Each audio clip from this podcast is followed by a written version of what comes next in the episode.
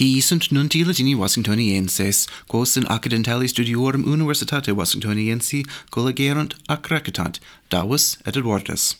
Hodie est septimus dies mensis aprilis. Trump reus factus.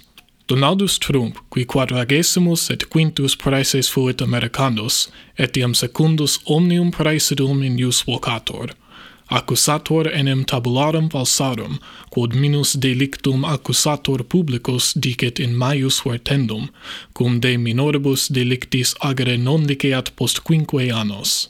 Fertur autem Trump anno bis millesimo septimo decimo falsis causi statis pecuniam suam et privatam duabus feminis dedisse ante Trump solus ulixes corant inius vocatus est, ut qui cum praeses ipse esset, celerior quam liceret raida vectus esset. Andreas Manuel Lopesius operator praeses Mexicanorum accusationem denuntiavet ut machinationem factiosam qua inimici Donaldi Trump velent obstare ne ipse de nuo praeses fieret Saudi de pace in Yemen agunt. Legati Saudiani in Yemen iter faciunt, qui cum Huthianis de pace agant. Iemenitae feridecam annos bellum intestinum gerunt, cuius factiones pugnant vice Saudianorum et Persarum, qui arma suis superitabant. Seres tamen nuper pacem inter Saudianos et Persas promoverunt, unde consecutor, ut factiones ia etiam pacem compositorae esse videantur. Bolsonarus redux, post auxilium triumensium Jair Bolsonarus, olim praeses brasilianos, in suam patriam regressus est. A magistratibus etiam vocatus est, qui testimonium diceret Depritiosis gemmis sibi a Saudianis principibus donodatis, in quas nullum portorium erat solutum. Quid magistratibus respondisset Bolsonarus non divulgatum est. Antequam regressus est, custodes publici et milites ad sedes magistratum adducti erant, ne res publica tumultu everteretur.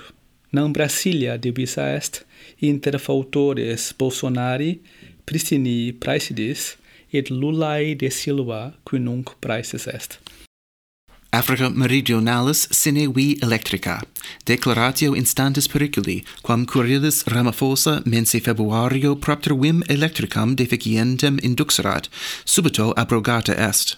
Mense enim Februario vis electrica denas horas singulis diebus intermissa est, nunc vero quotidie senis.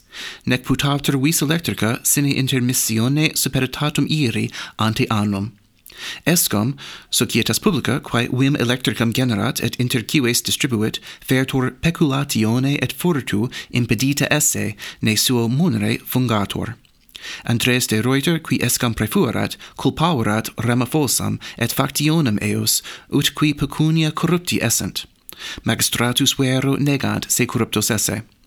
Anno proximo comitia habebuntur per Africam meridionalem, et Ramaphosa confidentium populi per severtor, nec minime propter vim electricam quotidie intermissam. Gallia ardet. Galli pergunt reclamare in Emmanuel Macron, ut qui sine ascensu senatus leges mutare velet, quo diutius Galli laborent antequam liceat rude donari, atque ut pensio rude donatis non e publico fisco solvator, sed societatibus privatis administrator.